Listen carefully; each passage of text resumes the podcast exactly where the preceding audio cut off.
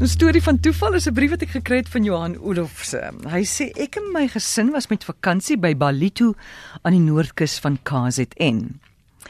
Een van ons gunsteling plekke op die strand was die sogenaamde Granny Pool waar kinders in die vlakwater kon speel. Daar's darm ook genoeg golwe en seestrome. Ek het ingestap en voor my was twee mans wat ook die see ingestap het. Ek sien hoe die twee mans voor my skielik paniekerig begin rondsoek na iets in die water by hulle.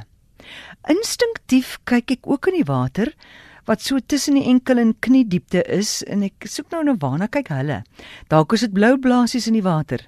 Met die wat ek so in die water kyk, loer 'n blou oog van 'n mens na my uit die sand.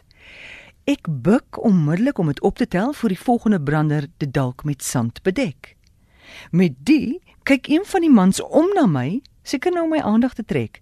Dis toe dat ek die leeu holte in sy oogkas sien, en toe besef dat ek sopas die man se glasoog uit die see opgetel het.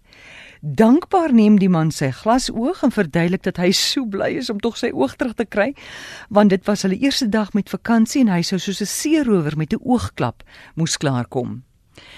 Ek het nogal 'n oog vir iets wat blink, sê Johan Olofse. En hy sê groete toe val oog